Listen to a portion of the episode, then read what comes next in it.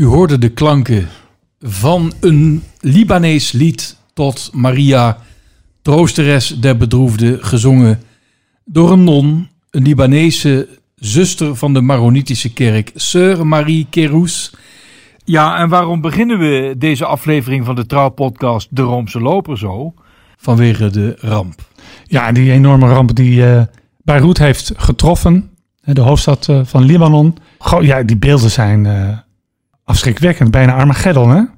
Ja, het doet mij denken aan Enschede.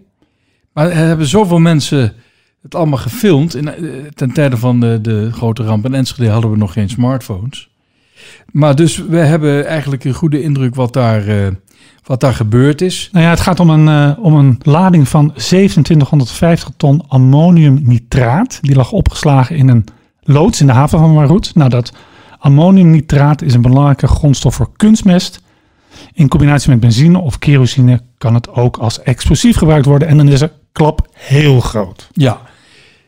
Waarom hebben wij het hierover? Wat heeft dit met het Roomse geloof te maken? Wel nu, Libanon is natuurlijk de Libanon, het Bijbelse Libanon. En de paus heeft er op 5 augustus bij stilgestaan in zijn wekelijkse algemene audiëntie, die eigenlijk helemaal geen algemene audiëntie is, maar dan houdt hij een toespraak met allerlei ja, monseigneuren om zich heen in de, bibliotheek van, de apostolische, van het Apostolisch Paleis. Het is eigenlijk vloggen wat hij doet. Is eigenlijk een soort ja, catechetisch vloggen. Hij is een nieuwe reeks begonnen trouwens, dat geheel terzijde, over hoe kan de sociale leer van de kerk tot inspiratie fungeren bij het oplossen van de coronacrisis. Maar dat geheel terzijde. De paus heeft gezegd: Wij bidden voor de slachtoffers en hun families en we bidden voor Libanon. Mogen het land met de inzet van al zijn sociale, politieke en religieuze componenten dit tragische en pijnlijke moment onder ogen zien en de ernstige crisis die het doormaakt met de hulp van de internationale gemeenschap overwinnen. Al dus de Heilige Vader. Wel nu, die internationale hulp die is al op gang gekomen. En dat is ook opgevallen bij de patriarch van Antiochië der Maronieten, de Libanese kerkleider kardinaal Bechara Boutros Rai. Die bedankt in naam van de kerk van Libanon voor de bijdrage van al die landen die al hulptroepen sturen. Nederlandse Rode Kruis uh, laat ook weten dat ze in nauw contact staat met uh, de zusterorganisatie in Beirut. Ja, het is een vreselijke ramp. Meer dan 100 doden, duizenden gewonden en honderdduizenden daklozen in een land dat eigenlijk op de rand staat van, ja, van de afgrond. De Syrische burgeroorlog die heeft ervoor gezorgd dat er nog eens een keer anderhalf miljoen inwoners bijkwamen in de vorm van Syrische vluchtelingen. Er is daar altijd politieke crisis vanwege het gedoe tussen Soenieten, Shiiten, Hezbollah, de christenen, de, de Israëli's die af en toe een por uitdelen, de, ja, de Palestijnse kampen en dat allemaal in Beirut, dat eens bekend stond als het Parijs aan de Middellandse Zee. Ik zag een foto van voor de klap en daarna. En dan lijkt het of er, of er net een zwaar bombardement heeft uh, plaatsgevonden. Ja. Nou, het, het, uh, iemand zei, het leek wel alsof er een atoombom was ontploft. Je zag ook na die enorme knal dat er dan zo'n uh, paddenstoel naar boven komt. Een heel akelig gezicht. Er was een Engelse krant. Die, uh, Engelsen zijn goed in het maken van krantenkoppen. Engelse krant kopte... This is Beirut's Hiroshima. Ja, nou zo erg is het nou ook weer niet. Maar het is in ieder geval voldoende reden om ons aan te sluiten bij het prachtige gezang van Sir Marie Kerouth. Om te bidden tot Maria, koningin van de Libanon, troosteres der bedroefden.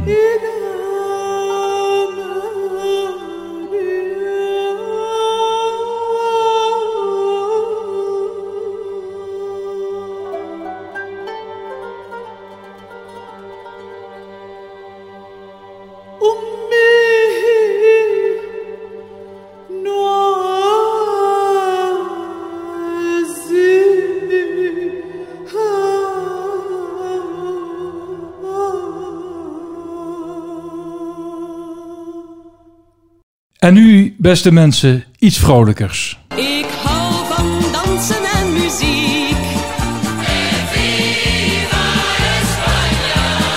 Van oude Ja, de koning Jan Karel van Spanje. In Nederland beter bekend als Juan Carlos. Die is verdwenen. Men weet niet waar die is. Hij zou in Portugal zitten, dan weer in Zwitserland, dan weer niemand weet het. Maar deze katholieke vorst heeft het veld moeten ruimen onder druk van zijn eigen familie vanwege allerlei financiële schandalen, zwendel, overspel. Ja, eigenlijk eh, ja, alles wat onze lieve Heer verboden heeft, heeft die man wel gedaan. Het ergste vind ik nog dat hij olifanten heeft doodgeschoten. Dat kan echt Nee, dat kan echt niet. Kan nee, echt dat is niet. schande. En, Ja. en- Maar goed, wij zijn tot vergeving in staat. In ieder geval, deze ehm, in Rome geboren vorst is in ballingschap gegaan, terwijl hij in ballingschap ter wereld is gekomen. dat is toch wat? Ja. En hoe kwam dat? Vanwege de burgeroorlog natuurlijk. Zijn opa, eh, Alfons, die moest het land verlaten en kwam zo terecht in Rome. En daar is hij in 1938 ter wereld gekomen. Deze Jan Karel. Even, hè? Waarom hebben we het altijd over Juan Carlos en Prins Charles? En, en dat, dat vind ik zo raar. Waarom gebruiken we niet gewoon onze eigen Nederlandse namen? Trouwens, de Spanjaarden, als die het over onze Willem-Alexander hebben... dan hebben ze het over Guillermo Alejandro. Maar ik vind dat wij gelijk hebben. Je, hebt het toch ook niet over Johannes Lennon of Paulus McCartney? Nee, maar dit zijn vorstennamen. Dit is, vind ik toch anders. We zeggen Hendrik de achtste en niet Henry de achtste. Het, we zeggen Felipe de zesde. De Ja. huidige koning van Spanje. Terwijl ik vind dat je moet zeggen Philips de zesde. Maar goed, dat is even een achterhoede dingetje. Maar eh Juan Carlos, ach dan doe ik het zelf toch ook. Eh, Jan Karel, die is eh, gedoopt op 26 januari 1938 in een gebouw, en daar hebben we het al eens vaker over gehad in deze podcast, in de kapel van het paleis, het magistrale paleis van de Orde van Malta. Nou, nou, nou, nou. Jawel, en door de toenmalige eh kardinaal staatssecretaris van de Heilige Stoel, Eugenio Pacelli. Nou, dat is toch prachtig. En die kennen we beter als de latere Pius XII. Ja, even over die Alfonsus XIII. Die ligt volgens mij begraven in de kerk van de Spanjaarden in Rome, de Santa Maria in Monserrato. Niet zo ver van de Piazza Farnese. Ja. En daar ligt hij onder de twee Borgia-pauzen. Alexander VI en Calixtus III. In die kerk, als je binnenkomt meteen, de eerste kapel aan je rechterhand. Even een klein zijstapje naar die Alexander VI en die Calixtus III. Die lagen eerst eh, apart, zou ik maar zeggen, van elkaar in de oude Sint-Pieter. Toen de, huidige Sint-Pieter, de tweede eigenlijk gebouwd werd, werden een heleboel graven eigenlijk opgeruimd. Toen hebben ze ook die graven van Calixtus III en van Alexander VI leeggehaald. Die botten hebben ze zo lang in de sacristie neergelegd, of op een andere plek. En toen raakten die botten in elkaar, zodat men op een gegeven moment niet meer wist wie nou Calixtus III was en welke botten nou bij Alexander VI hoorden. Dus hebben ze maar in één doos gegooid, of één kist. Nou, en die kist staat nu in die kerk. Daar zitten die botten in. En wat wil het noodlot nou? Dat bij het medaillon van Calixtus III staat de naam van Alexander VI en omgekeerd. Dus zo zie je maar, zelfs met de belangrijkste pauze gaat het uiteindelijk toch wel eens mis. Kijk, beste mensen, dit zijn de fun facts die we in deze podcast willen horen. Deze Alfonsus XIII, die had ook een eh, andere kleinzoon, en dat, die heette ook Alfonso. En die schijnt doodgeschoten te zijn door Juan Carlos, eh, Jan Karel. Wat? Ja, dat is het gerucht. Eh, de infante Alfonso, die was bezig, in de goede week trouwens, om een, eh, een, een kle- kleine revolver schoon te maken samen met zijn broer, zijn oudere broer. Eh, de, eh, ja, de oud-koning die nu dus in ballingschap is. En toen ging dat revolver af. en toen werd hij in zijn voorhoofd geraakt, ja, en dood. Nou ja, dat is toch wat? Ja, en toen is hij eh, uitgevaren. De uitvaart is toen gedaan op paaszaterdag. Nou, dan moet jij eens proberen om een uitvaart te regelen op paaszaterdag. Dat mag liturgisch helemaal niet. Maar goed, zij kregen het dan wel klaar. Ja, dat zijn allemaal van die drama's eh, die horen in, bij het leven van Juan Carlos, Jan Karel. Die dus ook door Franco naar Madrid werd gehaald.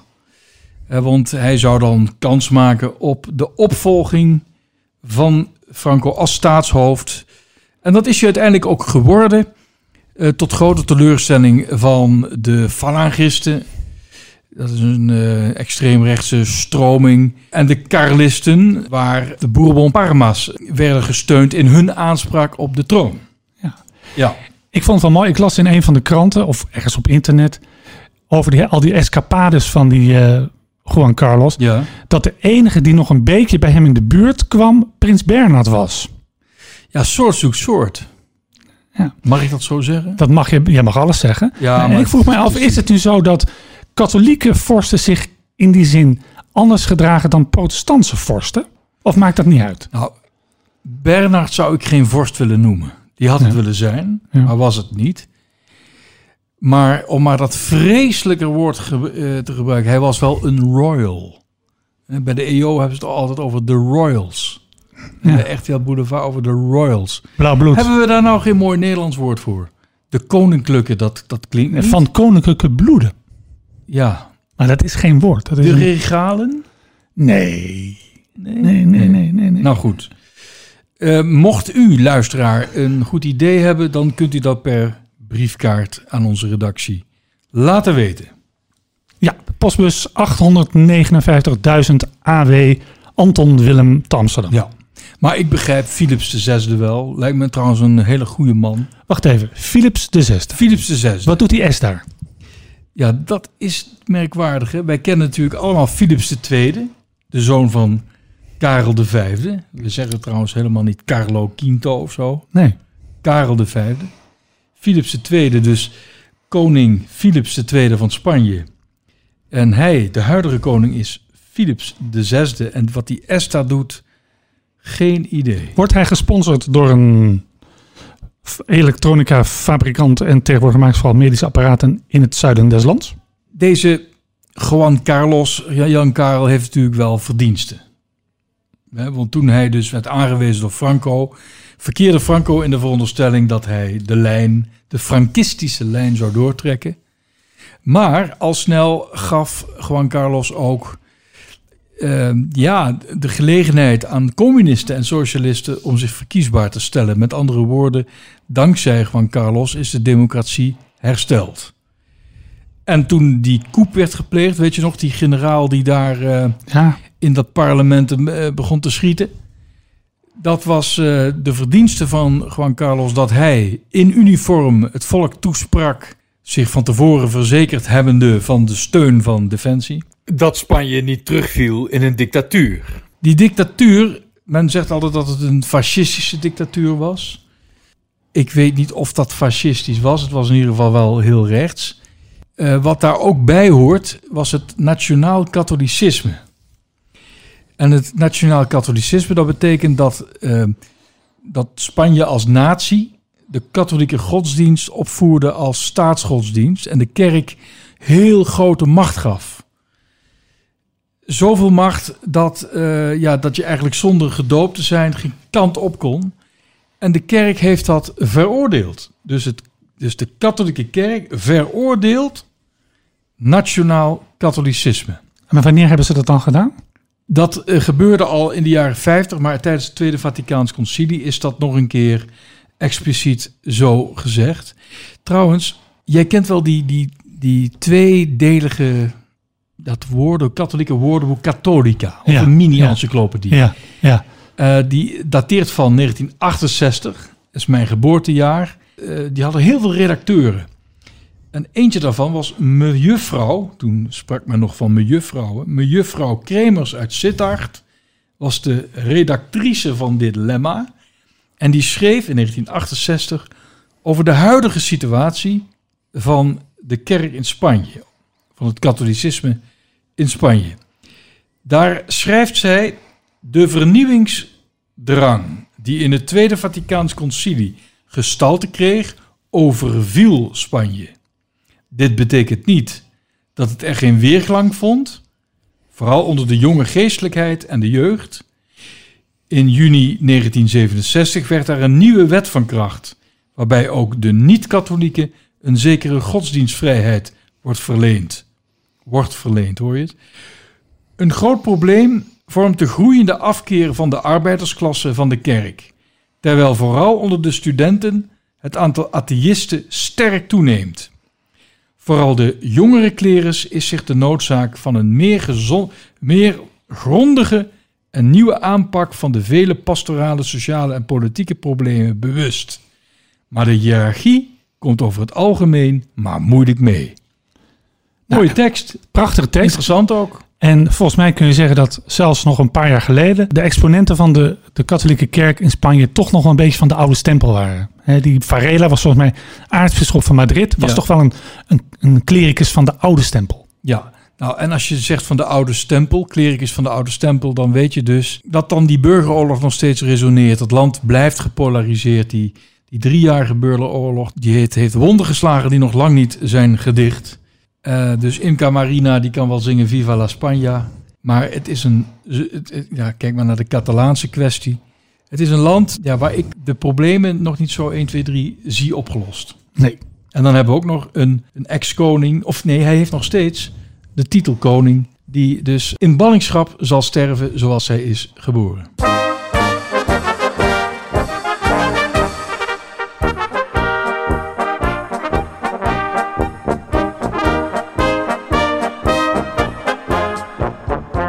Christian, op 3 augustus kwam het nieuws over de gezondheidstoestand van Benedictus XVI. Die zou ernstig verzwakt zijn, Benedictus XVI, nadat hij in juni nog naar zijn toen ook al doodzieke broer was geweest, in Georg in Regensburg. En bij terugkomst in Rome zou hij onwel zijn geworden. Nou, dat, dat was wel even wat, hè? Jij schrok natuurlijk. Ik schrok, want ik sta op het punt om op eh, vakantie te gaan. En eh, ja, als een, een paus sterft, ook al is hij afgetreden, dan, eh, dan is dat nieuws. En dan mo- moeten we naar Rome, vrees ik. Ik vrees het ook. Dat bericht dat werd gebracht door de Passauer Neue Presse, Duitse krant. En werd opgetekend uit de mond van Peter Zeewald. Daar hebben we het hier wel eens eerder over gehad. Over die Peter Zeewald. Dat is een beetje de huisbiograaf van Benedictus XVI. Hij is eh, inmiddels eh, 66 jaar. Werkte bij eh, onder meer Der Spiegel, bij Stern, bij de Süddeutsche Zeitung. Maar is toch vooral bekend vanwege zijn boeken die hij heeft gemaakt in samenwerking met Benedictus XVI. Eigenlijk vult hij daar zijn hele leven mee met die paus. Toen, en nu emeritus paus. Nou, wat was het verhaal? De pa- paus Benedictus zou leiden. En ik gebruik maar meteen maar even de Duitse term aan gezichtsroze. Gezichtsrozen. Gezichtsroze. Ja, Dat is door het eh, Algemeen Nederlands Persbureau vertaald als wondroos. ja. En ik heb het voor de KRO vertaald met gordelroos. Dat is toch wat anders. Wij zijn beide geen medici. Nee, En om nou medici daar lastig mee te vallen in deze coronacrisis, vond ik wel wat ver gaan. ik kan mijn huisarts even bellen. Maar ik heb dat wat gegoogeld. En volgens mij heb ik de beste papieren, Stijn. Vertel. Gordelroos. Gordelroos. Nou, als je zoekt op eh gezichtsrozen, dan kom je op zo'n gezondheidspagina, zo'n Duitse gezondheidspagina. Dan zie je meteen het woordje gürtelrozen staan. Hoe het ook zij, of het nou wondroos is of gordelroos. eh, het schijnt viraal te zijn en nogal pijnlijk. Ja. Ja? Maar dat hij nou, zoals de PNP, de eh, Passauer Neue Presse, op basis van uitspraken van die Zeewald, zwaar erkrankt is, dat vind ik overdreven. Volgens mij is dat een foutje van de koppenman van deze krant. Want je leest het volgens mij niet terug in het artikel. Nee, en het aardige, want in dat artikel wordt ook gezegd dat hij mentaal, de paus mentaal, nog steeds eh, helder is. Dat hij weliswaar moeilijk praat. Optimistisch werd gezegd. Optimistisch. En dat hij zelfs nog wel had gezegd dat hij misschien ooit wel weer eens wat ging schrijven. Ja. Nou, dat doe je, doe je niet als je, heel, als je heel erg ziek bent. Ja. Niet veel later komt dan de officiële reactie van het Vaticaan. Die eigenlijk de woorden echoen van Georg Genswein. Dat is de privésecretaris van de emeritus paus. Die nog altijd voor hem zorgt en ook met hem samenwoont. Dat de gezondheidstoestand van Benedictus niet zeer zorgelijk is. Niet zeer zorgelijk. Dus daar kun je ook van maken dat hij wel zorgelijk is. Ja, dat kan. Maar in ieder geval kan ik toch met een iets geruster hart op vakantie. Je weet het nooit. Ja, kijk, en de vraag is natuurlijk, wie moeten wij nou geloven? Moeten wij die Peter Zeewald of de koppenmaker van de Passauer Neue Presse geloven?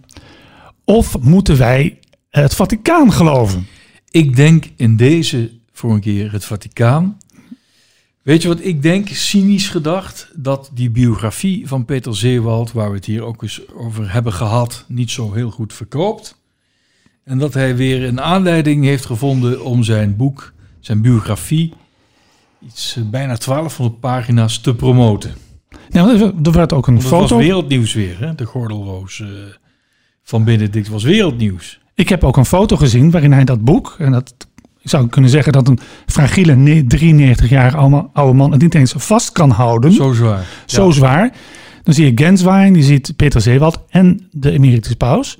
Ja. Die dat boek eh, in ontvangst neemt. Ja, kijk, daarom was Zeewald inderdaad eh, bij Benedictus om hem alsnog dat in mei verschenen boek te overhandigen. Want Ja. dat kon vanwege de coronacrisis niet eerder. Ja, de vraag is natuurlijk of we het Vaticaan kunnen geloven. Dat weet ik ook niet op dit moment. Wel is het zo dat het Vaticaan lange tijd een slechte reputatie had als het ging om de gezondheidstoestand of de informatievoorziening over de gezondheidstoestand van pauzen. Laten we teruggaan naar 19 augustus 2000. eh, laten, we, laten we teruggaan naar ne- 19 augustus 1914. Toen was paus Pius X aan het bewind. Het, journalisten werden toen op hun vingers getikt door het Vaticaan omdat ze gewaagd hadden te schrijven over de zwakke gezondheidstoestand van de Heilige Vader. Een dag later was hij dood. Eh, hele tijd later, 1978, paus Paulus VI. Nou, iedereen zag dat het met hem ook niet goed ging. Het Vaticaan bracht in de ochtend van 6 augustus 1978 een verklaring uit dat de paus, ik geloof, lichte griepklachten had. Nog dezelfde avond is hij naar zijn schepper teruggegaan. En van de recentere datum, en we waren er allebei samen bij, hadden we natuurlijk Johannes Paulus II, die in, eh, was het februari 2005, Ja, februari. in het ziekenhuis eh, geraakte met problemen met zijn keel. En toen is bij hem een zogenaamde, en ik moet het toch even spieken, want ik vind het een ingewikkeld woord, tracheotomie heeft Ja. toen plaatsgevonden. Wat is dat eigenlijk? Christian, een tracheotomie. Nou, letterlijk betekent dat een, een snee in de keel. Ja. Dus er wordt een sneetje aan snede, via een snede in de hals, wordt een buisje in de luchtpijp geplaatst. Dat is een hele operatie. Vervolgens, eh, de, de woordvoerder van het Vaticaan, die zei vervolgens dat het allemaal goed was verlopen. Navarro Vals. Navarro Vals, hè, dat was echt, echt een autoriteit, dat, was- dat, was iemand. Een arts, hè? Dat was een arts. Nou, weliswaar een psychiater. Maar het was een arts. En om nou aan te geven dat het eigenlijk weer heel erg goed ging met Johannes Paus II, zei hij dat de paus yoghurt met koekjes had genuttigd. En toen waren er meteen sommige medici die zeiden, dat kan helemaal niet. Als je zoiets krijgt, dan moet je vooral geen koekjes gaan, eh, gaan eten. Dan ben je volgens mij aangewezen op astronautenvoer. Ja, dat, dat vond ik niet geheel. eh, eh, dat vond ik wel plausibel, die, die, die, die, dat standpunt van die medici. Maar je zou eigenlijk kunnen zeggen dat toen de tijd. die yoghurt en die koekjes werden gebruikt als een soort ja, alibi. om maar tegen de mensen te zeggen: maakt u zich niet ongerust. Het valt allemaal wat mee. En zoals mijn dierbare collega John Allen, CNN, eh, of nu inmiddels van de website Crooks. Rare, rare naam, Crooks, maar goed.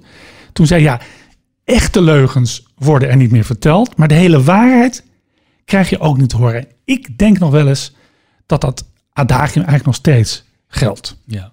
Kijk, als je het hebt over de, de Amerikaanse president, stel dat, dat Trump iets zou krijgen, dan krijgen we medische bulletins. Dat denk ik toch wel nog steeds. Tot op de minuut. Er komt een arts eh, in, het, in de persa van het Witte Huis die met prachtig video gaat uitleggen hoe het is met de gezondheidstoestand van de paus. En als het gaat om de huidige paus, Franciscus, en die hele corona-kwestie, daar hebben we wel van vernomen via de Vaticaanse persdienst dat hij een coronatest of meerdere heeft ondergaan. Maar er is geen lijfarts in beeld gekomen. Hij heeft gezegd, nou ja, hij snifte wat, maar we hebben dat onderzocht en het bloedbeeld is zo. Dat zou toch eigenlijk veel beter zijn. Maar ja, het is ook niet de, de huidige pontifex, hè? Dus, dus als nou het Paus Franciscus betreft, dan, dan, dan neemt de spanning daaromtrent toe. Maar ik denk dat het Vaticaan in deze wel de waarheid spreekt. Moet je nagaan, in dit post-truth tijdperk spreekt het Vaticaan eerder de waarheid dan toen we nog in een truth tijdperk waren. Ja. Eh, denk ik. Ja, ik zeg ook maar wat natuurlijk.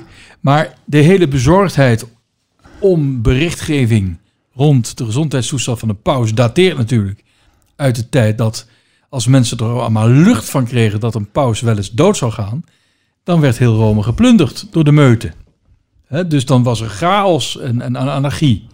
Dus het heeft eigenlijk een. eh, ja, dat is eigenlijk de, de, de reden dat men daar voorzichtig in is. En, en liever een leugentje om best veel verkoopt, is om de openbare orde te handhaven. Maar daar is nu geen sprake meer van. Maar dat zijn toch nog die, die, die oude mechanismes die dan in zo'n systeem blijven zitten. Wat ook nog bekend werd, is dat eh, Paus Benedictus natuurlijk bezig is met zijn dood. En zelfs met de plek waar hij begraven wil worden. En dat zal gaan geschieden op de plek in de crypte van de Sint-Pieter, waar vroeger het graf van Johannes Paus II zich bevond. Voor de kenners, u komt binnen in die crypte, u passeert rechts Pius XI, links de Confessio, daar gaat u rechts de hoek om en dan meteen de kapel links. Daar lag Johannes Paus II begraven. Die is na zijn zaligverklaring omhoog gegaan, een verdieping naar de kerk.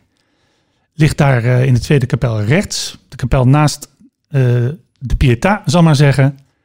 Dus daar in die, op, op de oude plek van Johannes Paus II, die keurig ruimte heeft gemaakt, komt Benedictus XVI nog te liggen. En dat brengt mij toch op een, op een raadsel. Want ik kom daar nog wel graag in die crypte. Om daar, hè, dan is een mooie wandeling en dan zie je al die graven weer. En daar staat al een tijdje een tombe. Die, is daar, die stond daar plotseling nieuws. En het is een beetje alsof je, alsof je een, eh, rijke, een rijke huis kent. Opeens staat er een huis tussen. Dus, maar er, staat geen, er stond geen naam op. Dus ik heb daar aan een suppost gevraagd. eh, Een suppost. ja, hoe zeg je dat? Een be- een bewaker. eh, Ja. zo. Want je kunt alleen maar, eigenlijk alleen maar één kant zien. Kunt u even voor mij achter dat graf, achter die tombe kijken, of daar wel een naam staat? Want het kan zijn dat er iemand is tussengevoegd. Dat heeft zich gedaan, daar stond ook geen naam. Dus het is de tombe zonder naam. Eigenlijk een mooi uitgangspunt voor een thriller. De tombe zonder Wie komt er in de tombe terecht? En ik heb altijd gedacht, dat wordt de tombe waar Benedictus XVI in komt te liggen. En dat heeft iemand mij daar ook gezegd. Maar inmiddels zijn de plannen gewijzigd. En komt hij dus op een andere plek te liggen. in de Vaticaanse grotten. Ja, zoals dat zo Waarom heet dat trouwens grotten?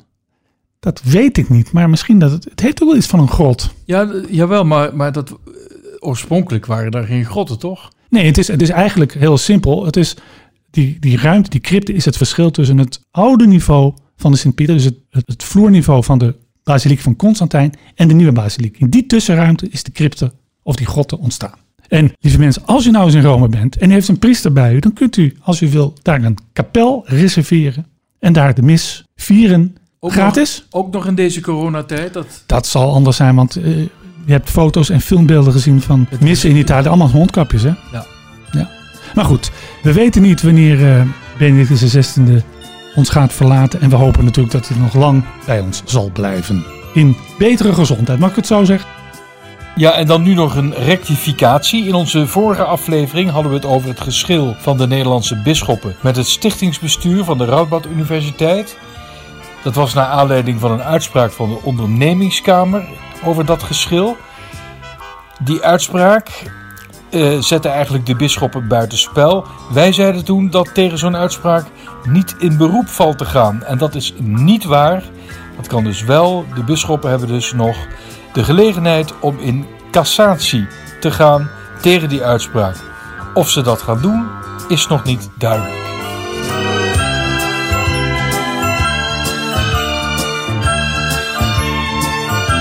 Luisteraars, dit was het dan weer. Dit was weer de Roomse Loper. Ik was Stijn Vens. en ik was Christian van der Heijden.